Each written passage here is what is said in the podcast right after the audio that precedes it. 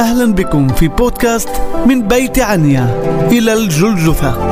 تأملات في الفصح للكاتبة منال جبران حداد بالتعاون مع دار الكتاب المقدس في الناصرة وإذاعة صوت الأمل للشرق الأوسط. نتمنى لكم فصحا مجيدا.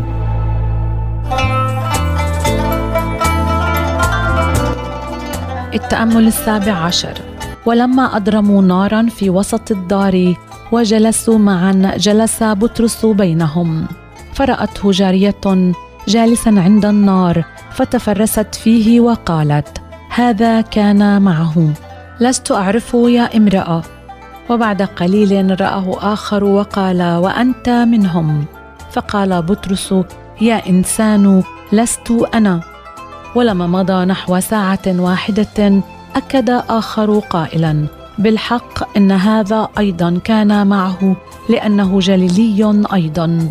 فقال بطرس يا إنسان لست أعرف ما تقول. وفي الحال بينما هو يتكلم صاح الديك.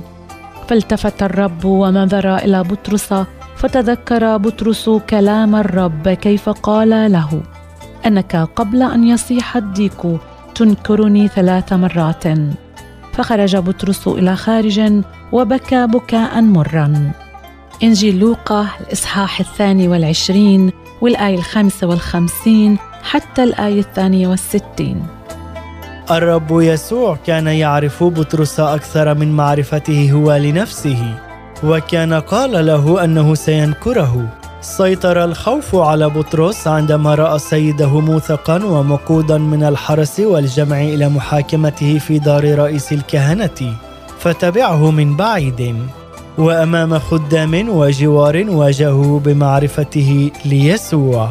أنكر تلك المعرفة وتبرأ من علاقته بمعلمه وربه.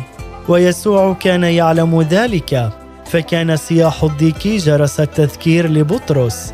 ذكره كيف نبهه سيده للأمر عندما ادعى البطولة واستعداده للموت معه. ذكره بنظرة واحدة دون توبيخ ودون عتاب. فما أعمق النظرة التي نظر إليه بها الرب وما أشد محبته التي أيقظت بطرس ونبهته وسط خوفه. فخرج وبكى بكاء مرا. لا أريد أن أتبعك في الخفاء يا رب. بل علانية ولا أريد أن أبكي بمرار بطرس لأني أنكرتك. في القول والعمل أعلن أنني تلميذ لك وابن لك. أنت هو سيدي ربي ومخلصي. فلا تسمح أن أضعف وأختار إنكارك وقت شدتي. فأنت لم تخجل بي وحملت عار خطيتي حتى الموت. فكيف لي أن أخجل بك وبمن أنت؟ أنت هو الطريق والحق والحياة. نهاركم مبارك نتمنى لكم فصحا مجيدا. نشكركم على حسن المتابعة لبودكاست من بيت عنيا إلى الجلجثة. للمزيد تابعونا على محرك البحث على مختلف منصاتنا الاجتماعية. إذاعة صوت الأمل.